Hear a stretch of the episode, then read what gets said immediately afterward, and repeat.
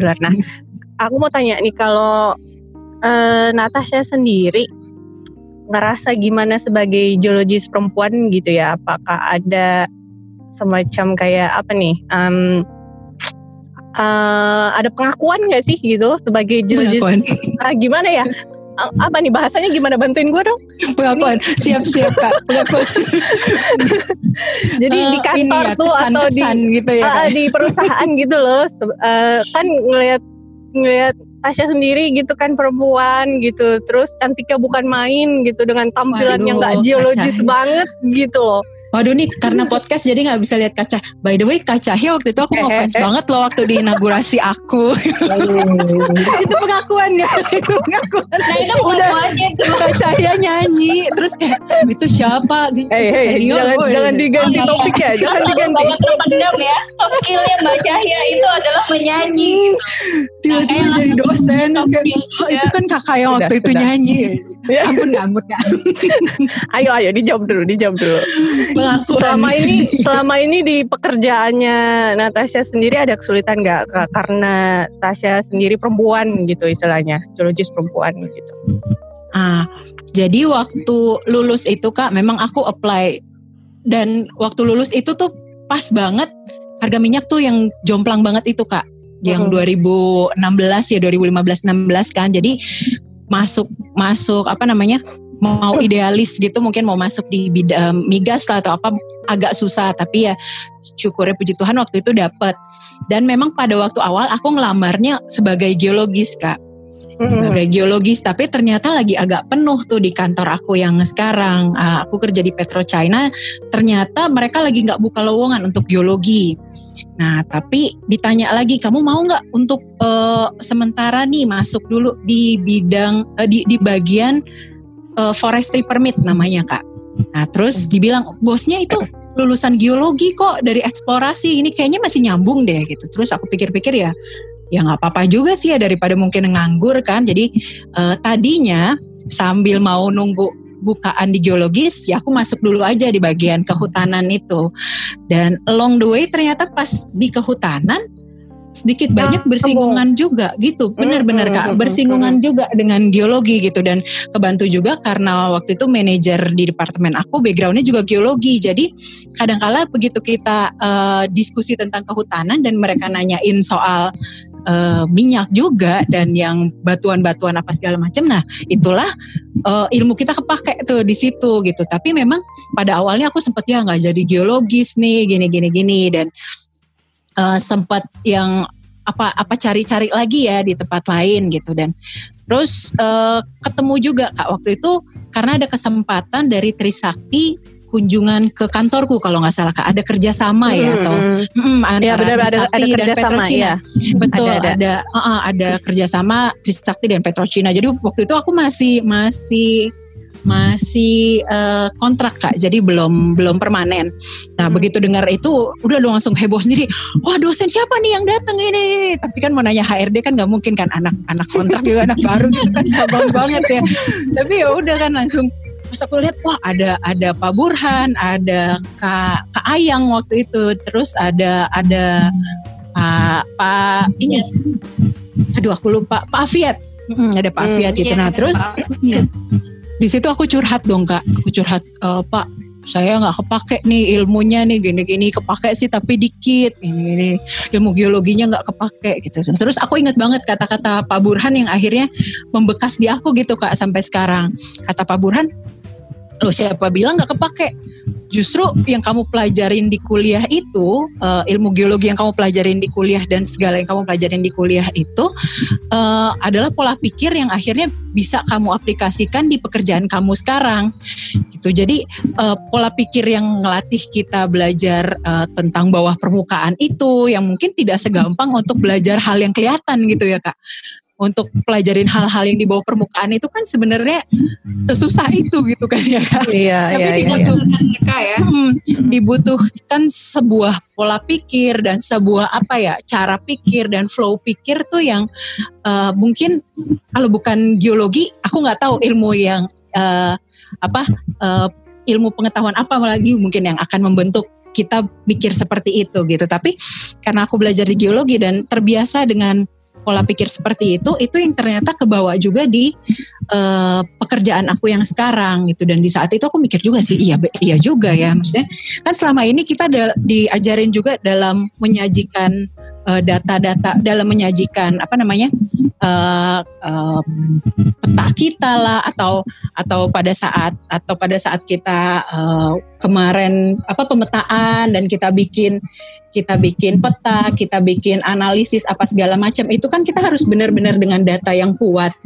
Nah, tapi kan balik lagi bukan hanya itu, tapi gimana juga kita mendeliver data, dari mana kita dapat data itu dan uh, apa segala macam yang kita pakai supaya kita memperoleh data itu itulah yang uh, sebetulnya agak susah. Tapi kan kita terbiasa nih dengan mikir seperti itu.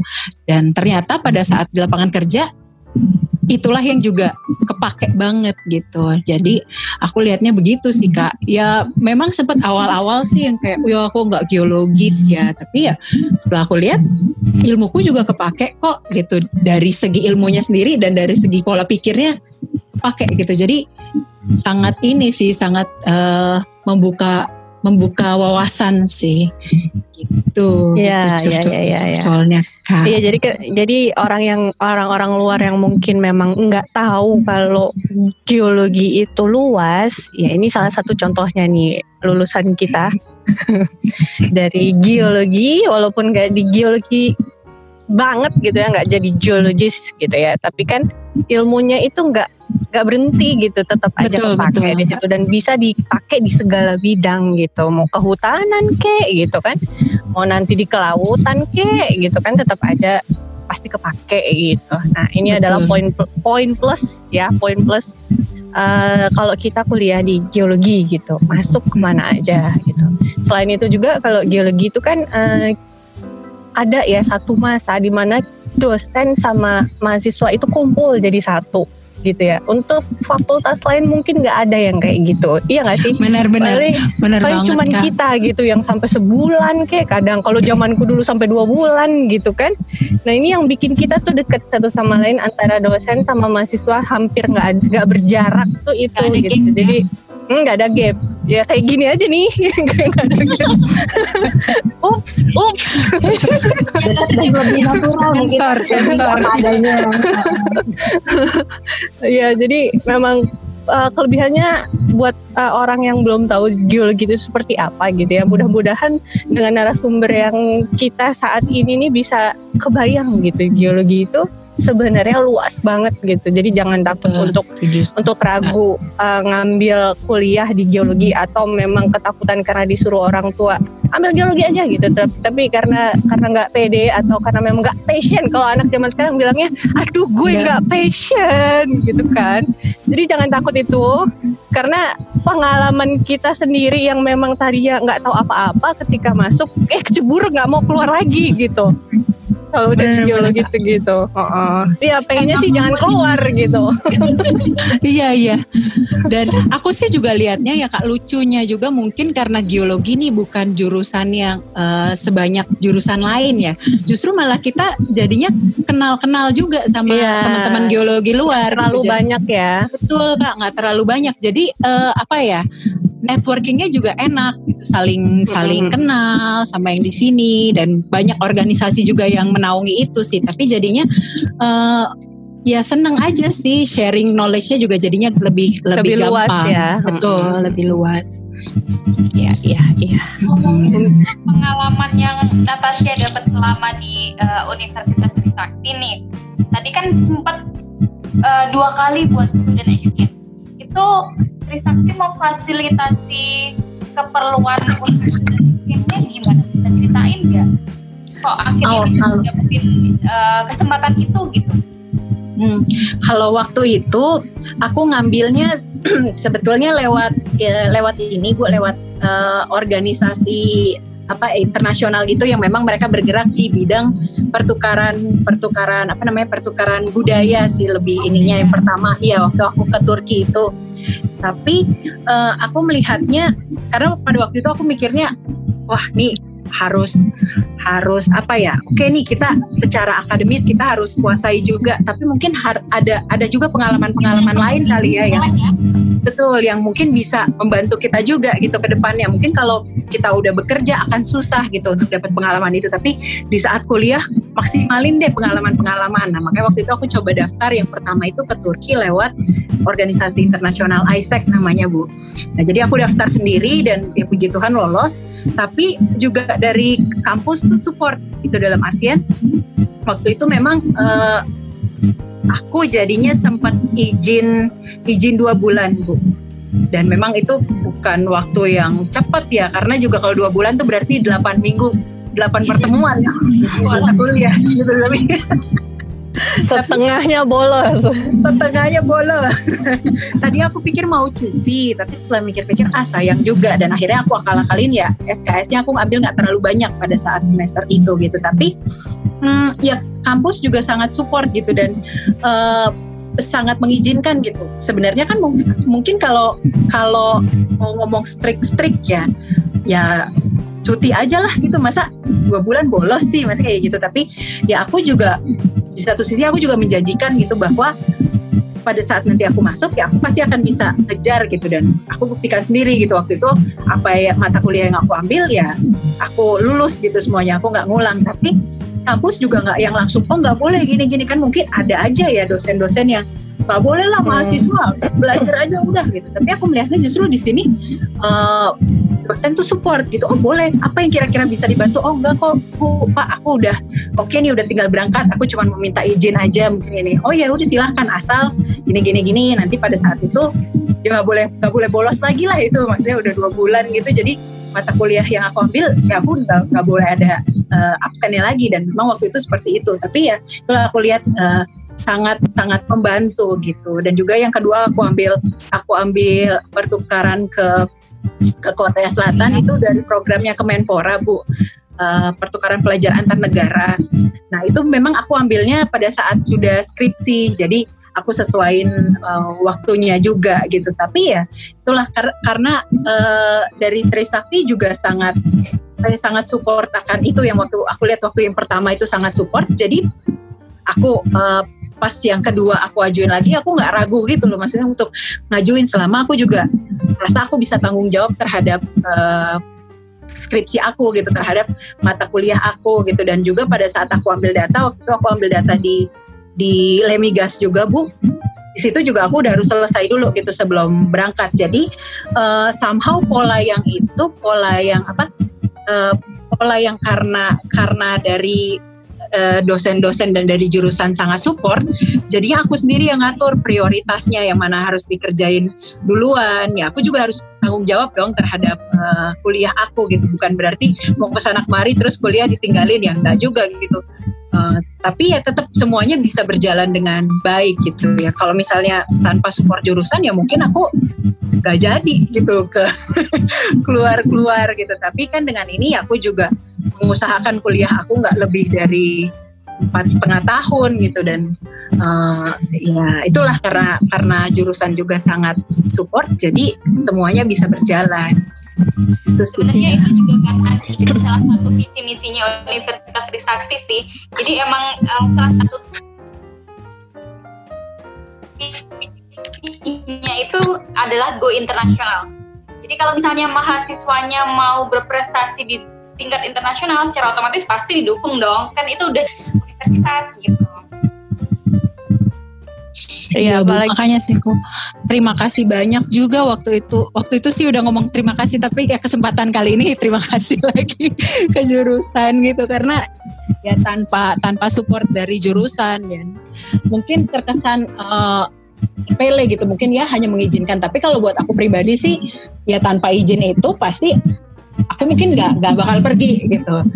Dan uh, ya mungkin orang lain ya liatnya oh cuma ngizinin doang. Padahal uh, ya kalau aku ya kalau aku nggak diizinin ya mungkin aku nggak pergi gitu. Tapi kalau mungkin aku nggak pergi ya beda ceritanya gitu. Tapi karena jurusan juga uh, menyupport ya akhirnya aku pergi dan jadi aku dapat uh, pelajaran banyak lah dari ini.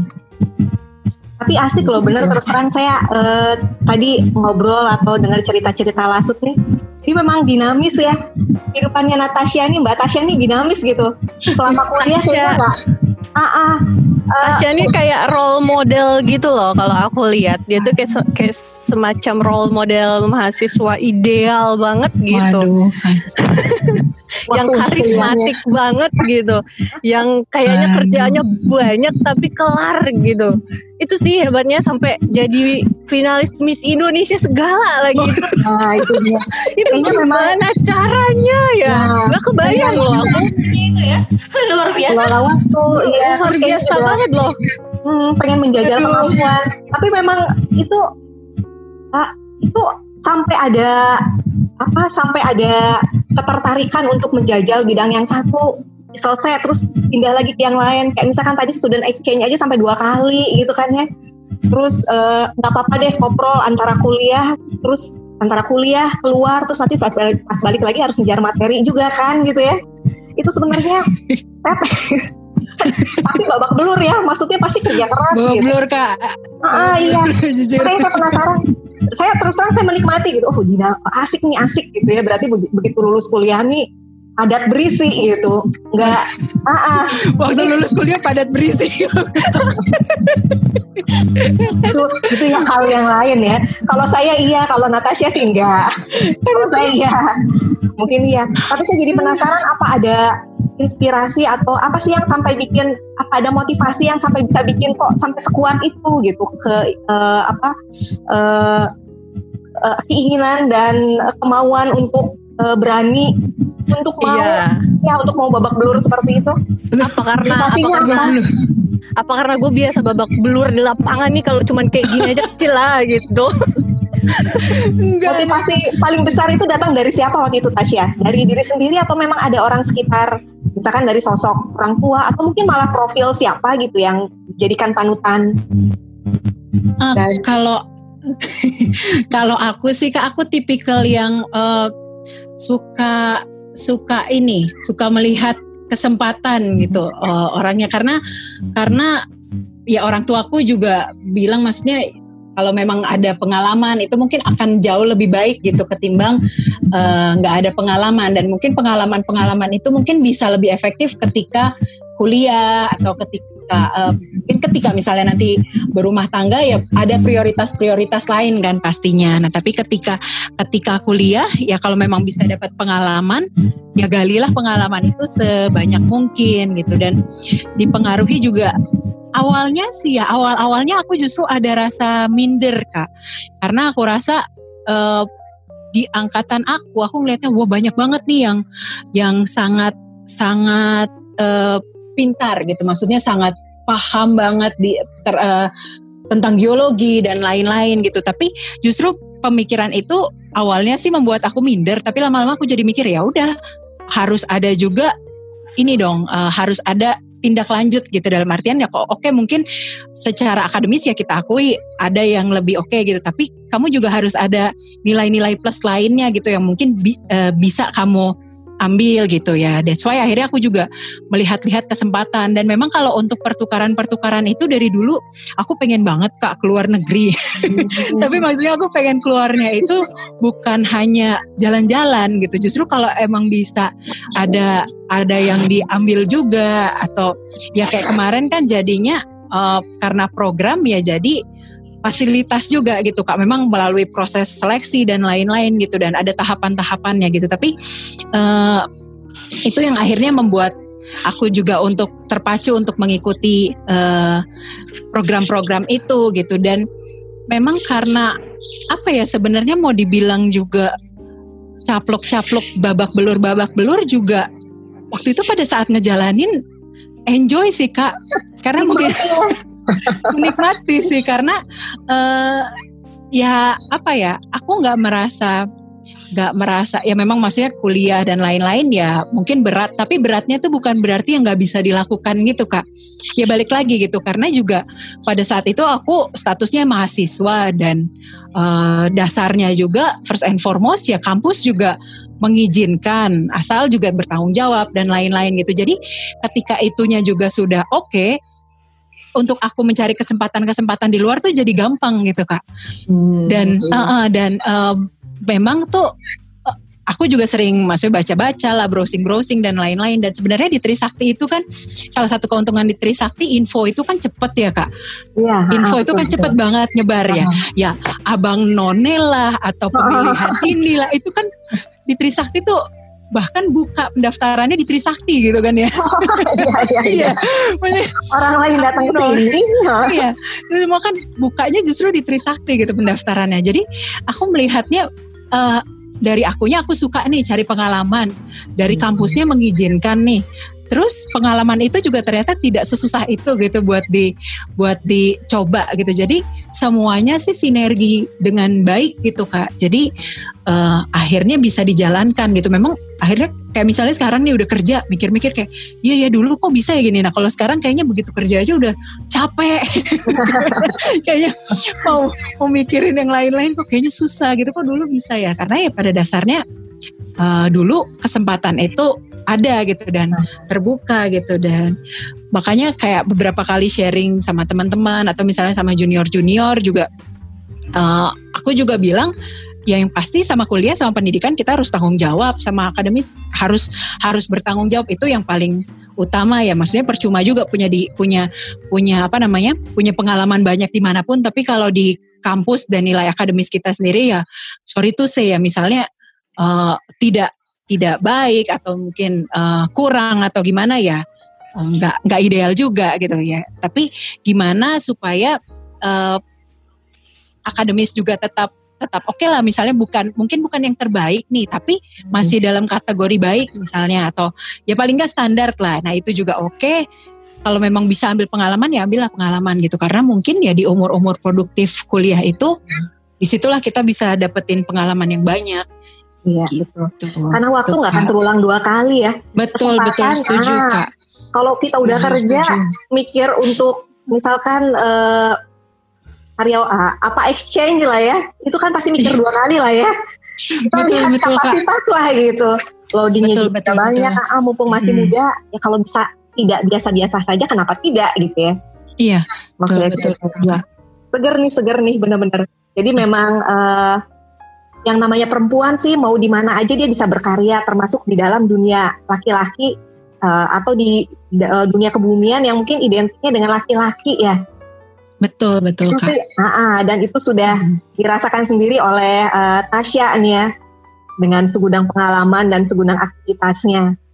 Nah sekarang dari pengalaman-pengalaman kuliah yang tadi, kira-kira yang paling membantu dalam Tasya uh, menekuni bidang kerja yang sekarang ini uh, apa nih kira-kira? Kita bikin prosentase antara soft skill dengan hard skill gitu ya, tapi tidak dibatasi untuk yang kerjaan di bidang geologi atau yang non geologi itu kira-kira kita bisa, bisa bikin prosentase berapa banding berapa nih kira-kira? Hard skill dan soft skill kira-kira untuk menunjang pekerjaan. Survival hard kita skill. juga ya survival. Ya hmm, ya aku jujur juga aku bekerja belum lama kak. Masih pengalaman kerja aku masih di bawah lima tahun. Gitu ya baru lulus 2000 2016 juga. Tapi aku ngelihat uh, soft skill dan dan hard skill maksudnya akademis dan uh, akademis itu saling mendukung yang uh, which means kalau memang bisa 50 50 persen itu akan sangat juga uh, membantu gitu ke depannya gitu. Memang memang pada saat sekarang-sekarang ini ya kayak ya misalnya kayak aku di bidang yang mungkin tidak 100% geologi gitu ya. Akhirnya hmm. uh, aku melihatnya mungkin apa yang dulu udah dikupas tuntas di geologi mungkin tidak terlalu bisa dipakai sekarang tapi ternyata ada hal-hal di balik itu yang juga ah, iya. dipakai tapi karena hal-hal di balik itu bisa dipakai akhirnya hal-hal yang teori juga bisa dimasukin juga gitu kak. Jadi uh, selaras gitu semuanya saling saling uh, saling mendukung gitu. Tapi juga kenapa aku lihatnya juga di Trisakti di geologi Trisakti aku banyak belajar. Karena kayak tadi Kak Cahya bilang ada tuh momen-momennya satu satu bulan lah anak-anak eh uh, mahasiswa kumpul sama dosen dosennya ganti-gantian gitu kan kumpul sama dosen untuk uh, kuliah lapangan atau pemetaan dan lain-lain. Nah, aku sih jujur selama kuliah aku banyak banget uh, belajar selama kuliah lapangan dan pemetaan itu kak. Belajar yang bukan hanya bukan hanya materi pelajaran tapi juga gimana gimana untuk kita survive di di di hutan dan gimana juga apalagi misalnya KL2 nih pemetaan. Kita sendiri tuh kak dan uh, dan tinggal juga mungkin tinggal di rumah warga dan lain-lain gitu. Dan kita juga harus bisa melatih uh, hubungan kita juga dengan warga kan. Mungkin kalau kitanya nyebelin atau kayak gimana ya ah. apalagi warga di warga di daerah gitu kan uh, ngelihat orang yang baru gitu kan agak lebih mungkin lebih gimana gitu kan. Dan di sini justru di geologi kita kita ada kesempatan buat melatih semuanya itu gitu. Jadi uh, sangat kepake gitu baik soft skill dan hard skill yang aku pelajari selama di geologi untuk aku sekarang ini gitu ke depannya. Dan mungkin kalau kalau kalau dulu misalnya nggak ada nggak nggak terlalu dikupas tuntas nih tentang tentang how to survive lah atau misalnya uh, misalnya bagaimana berinteraksi lah yang baik dengan dengan siapa pun gitu yang aku pelajari selama kuliah. Mungkin di di kantor sekarang aku mungkin nggak tahan banting kali. Mungkin di kantor sekarang uh, hubungan sama yang lain mungkin ya uh, bisa dibilang mungkin nggak nggak nggak berjalan dengan baik gitu. Tapi kenapa sekarang juga aku nyaman di kantor? Karena ya bekal-bekal yang aku dapat selama di kuliah itu kak. Dan gimana juga apa ya gimana ya berhubungan dengan orang lain juga meng, menghormati juga uh, apa namanya ya bisa dibilang senior ya tapi bukannya harus hormat harus gimana banget senior maha benar gitu bukan. Itu uh, dijauhkan lah yang itu itu tapi gimana kita juga uh, menghargai lah orang yang mungkin lebih lebih tua di atas kita. Dan itu kan sebenarnya hal-hal yang kecil yang aku pelajari lagi gitu di kuliah. Tapi sekarang justru di kantor ya itu harus ada gitu. Karena kalau nggak ada ya ya udah deh. Habis aja deh mungkin di kantor gitu. Nggak nggak nggak tahan lama gitu jadi dipaksa untuk beradaptasi betul tapi, beradaptasi. ah betul ah, ah hmm. awalnya mungkin uh, oke okay lah bisa bisa kalau kita bilang dipaksa kali ya.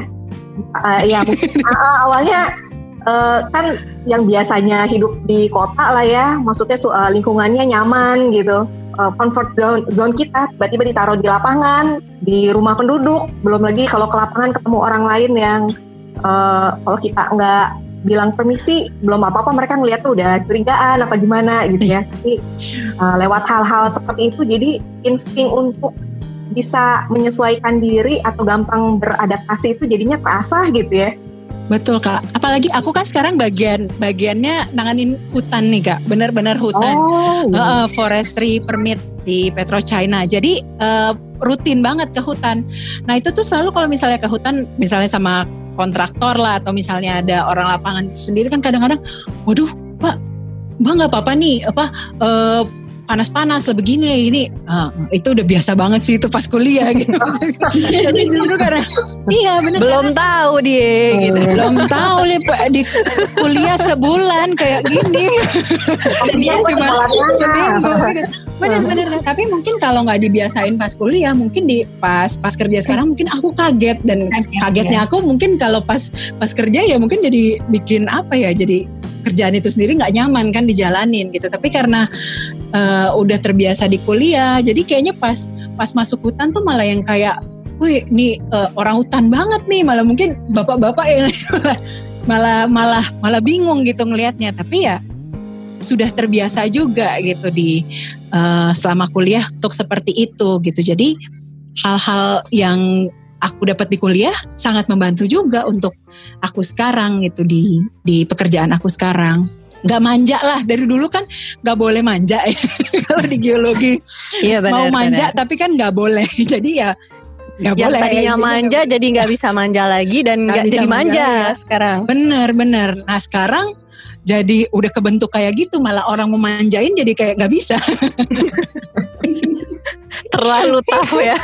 Terlalu tough iya terlalu tough kali ya kaca ya tapi maksudnya itu pun bukan yang hanya aku alami gitu kak. Tapi aku ngelihatnya teman-teman aku pun kayak gitu gitu. Uh, ya, ya dua mereka ya, sekarang ya. hmm, mm-hmm. betul. Uh, bukan Intinya, jadi cewek-cewek uh, yang betul. manja tahan lah. banting lah tahan banting betul, lah. Betul betul mm-hmm. betul banget kak. Oke okay, terus uh, jadi oke. Okay. Ini uh, sepertinya mengingat waktu kita langsung ke pertanyaan cepat aja nah, ya. itu dia. Dari kita bertiga ini mungkin ada beberapa pertanyaan yang mau diajukan ke Mbak Tasya ya. Tapi aturan mainnya ini harus cepat dijawab, jadi harus dijawab cepat ya. Karena judulnya cepat uh, tebak cepat atau jawab cepat jadi tidak diberikan waktu lama untuk berpikir begitu pertanyaan selesai langsung dijawab Waduh tentang apa nih kak? Umum, umum, umum, umum. Dek, dek, dek, dek, dek, dek, dek. Nanti mungkin setelah itu baru kita bahas kenapa kok uh, sampai kepikiran buat jawab ke sana gitu kayak gitu ya. Oke, oke, oke. Oke, oke, oke kak. Nah, siapa nih? Dita atau Bu Cahya silahkan, monggo. Aku dulu ya. Oke, okay, one, two, three, go. Oke, okay, Natasha. Hmm, mending IPK bagus lulus cepat. Apa IPK-nya standar aja tapi pengalamannya banyak? IPK standar pengalaman banyak kan? Pilih atasan galak apa suami galak? atasan galak. Oke, okay. mending saltum apa salah potong rambut? Saltum kak. Satu barang yang kamu nggak bisa hidup tanpa barang itu. Kaca kak. Kaca? Oke. Okay. Gak kenapa kaca ya? Katanya cepet soalnya okay. kak nggak Oke okay, oke. Okay. Satu lagi ya. Kalau ya, kamu punya chance seminggu punya super power, kira-kira kekuatan apa yang pengen kamu punya? Hmm. Seminggu doang. Seminggu. Kem ke mana aja bisa teleport. terbang, bisa terbang, oh, bisa terbang, bisa terbang. Bisa Bukan oh, teleport ya, bisa terbang. Oke, okay. oke okay, itu aja. Ya teleport Dari lebih aku. enak ya kak ya sebenarnya. iya teleport. Kalau gua teleport. oh iya kan? ya iya, terbang lama ya. teleport aja ya. Masuk angin lagi. Iya, ya. Gak bisa diulang ya, gak bisa diulang ya. Gak bisa diulang ya. Ya udah oh, deh, gak apa-apa deh kak. Penasaran, ini uh, penasaran nih sama yang tadi uh, apa suami galak atau atasan cewek galak? Tadi milihnya yang suami galak ya? Atasan, atasan galak, atasan, oh, atasan galak. galak. Oh jadi lebih mending atasan galak daripada suami galak gitu? Ya kak. Kita kan cool. Karena karena kan kalau kalau atasan galak ngadunya ke suami. Nah kalau suami oh. galak masa ke atasan ngadunya ke Iya, iya, benar, benar, benar, benar, benar. Oke, oke, oke. Sip, sip, sip, sip. Setuju sih, setuju. Ya, kuat-kuatnya cewek di kebumian berarti tetap butuh uh, tempat bersandar juga ya. Hello Kitty ya kayak. Oh iya. Hatinya tetap. Oke, jadi uh, kalau dari kita mungkin uh, cukup sekian aja ya perbincangan kita kali ini. Nah, kira-kira uh, uh, Natasha ada pesan okay. khusus nggak untuk calon-calon mahasiswa baru gitu? Kira-kira ada pesan apa gitu biar biar kebuka gitu pikirannya? Biar kebuka ya. Uh, untuk ya, kayaknya formal banget gitu ya kayak untuk uh, apa teman-teman yang lagi mau daftar kuliah. Dan terutama nih mungkin yang bingung-bingung yang masih bingung mau masuk mau masuk mana. Pilihan aku waktu itu aku merasa sih pilihan aku waktu itu untuk memilih teknik geologi sebagai jurusan kuliah itu salah satu salah satu pilihan yang terbaik yang pernah aku bikin gitu di dalam hidup aku gitu. Aku bicara geologi Trisakti sih ya karena yang kayak tadi udah aku jabarkan gimana jurusan juga sangat support dan apa yang aku dapat itu ternyata sangat uh, menjadi bekal aku sampai saat ini gitu. Jadi uh, untuk waktu itu memilih jurusan teknik geologi di Universitas Trisakti buatku adalah salah satu pilihan yang tepat yang pernah aku bikin uh, di dalam hidup aku gitu. Pasti uh, di saat-saat sekarang mungkin teman-teman bingung dan mungkin bikin plus minusnya kalau masuk ini ini gimana masuk ini uh, masuk itu gimana ya. Again uh, apalagi kalau teman-teman sudah melirik-lirik nih geologi nggak usah takut gitu karena pastinya semua jurusan itu apa pun yang diambil pasti akan ada plus dan akan ada minusnya. Pasti akan ada tantangan yang akan kalian hadapi gitu ke depannya.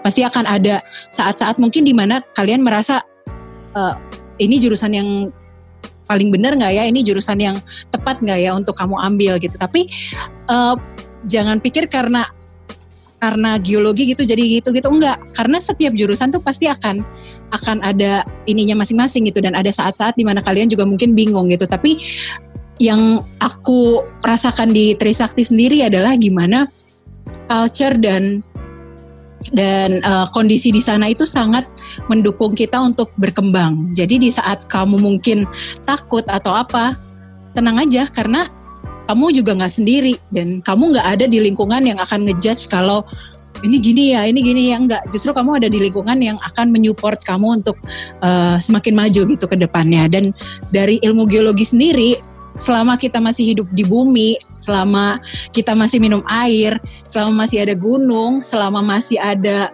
aktivitas vulkanik, masih ada siklus hidrologi masih jalan, berarti ilmu geologi itu akan terus kepake. Jadi nggak usah takut nanti ke depannya harga minyak gimana ya? Nanti ke depannya tambang ini nggak ya? Pelonggaran uh, cerah gitu ya? Betul betul nggak usah nggak usah takut gitu karena justru ilmu ini sangat sangat open ke depannya. Kamu mau ke lingkungan, kamu mau ke konstruksi itu semua bisa. Bahkan kayak tadi uh, perbankan pun bisa dan ke mana-mana itu bisa gitu dan eh, nggak uh, usah jangan takut jangan ragu dan justru ini ke, ke, ke keuntungan buat kalian yang orang-orang anti mainstream. Nah, pasti kalau misalnya dibilang apalagi cewek ya, ya cewek makin makin inilah makin makin diangkat-angkat lah ya di sini. Tapi kalau memang kalian cewek terus kalian masuk biologi, somehow tuh pasti uh, ini pengalamanku ya tapi pasti orang lain ngeliatnya nih cewek nih beda nih. Nih cewek nih uh, karena mostly anak-anak geologi tuh tahan banting dan bisa bisa survive uh, punya daya juang yang bisa dibilang lebih tinggi mungkin daripada jurusan-jurusan uh, lainnya gitu. Jadi untuk cewek-cewek kalian somehow ada keunggulan tersendiri gitu dan orang akan melihatnya wah ini orang beda lah dari dari cewek-cewek lainnya. Jadi untuk cewek-cewek yang anti mainstream pilihlah jurusan geologi karena kalian akan semakin uh, dipuja-puja gitu. Difasilitasi gitu. ya. Difasilitasi balik lagi nggak ada yang nggak ada yang uh, ya semua itu ada ada plus minusnya tapi kita akan tahu dan kita akan bisa bisa ngelihat kalau itu adalah sesuatu yang positif ketika kita ngelangkah ke depan itu jadi nggak usah ragu karena environmentnya juga asik banget kok geologi Trisakti gitu bagaimana Bu mhm. Terima kasih Tasya. Ya, terima, terima kasih ya. Kak Cahaya, Kak Mira, Kak Dita. Sukses selalu. Oh iya, pasti. Insya Allah. Tasya juga ya. Amin, amin Kak. Salam untuk semua dosen-dosen Kak di sana. Pasti akan kami sampaikan. Tetap bersinar seperti Tasya. Apa adanya ya, di mana pun Tasya berada ya. Amin, amin Kak. Kakak juga sehat-sehat ya. Amin, terima Terus kasih Kak. Kalau misalnya ada lowongan kerja atau apa, bisa diinfokan ke adik-adik kelasnya. Iya, siap Kak. Dan untungnya kan ada kerjasama kan ya nih antara iya, Trisakti MOU. dan hmm, ada ya. MOU antara Trisakti dan kantorku antara Trisakti Petrocina gitu. Jadi skripsi Betul. nanti ya bisa lah ya dibantuin gitu.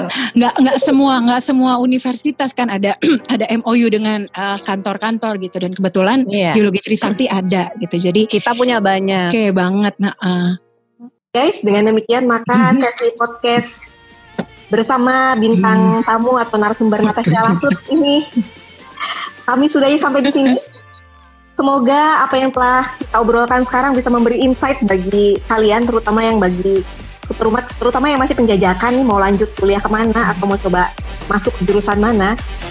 Uh, kami semua di sini menawarkan kalau uh, kalau mau coba ke teknik biologi usaha kenapa ya seperti itu ya. Oke, sekian saja dari kami. Iya. Uh, salam-salam buat uh, adik-adik semuanya. Mungkin uh, sampai ketemu lagi di podcast berikutnya. See you. See you.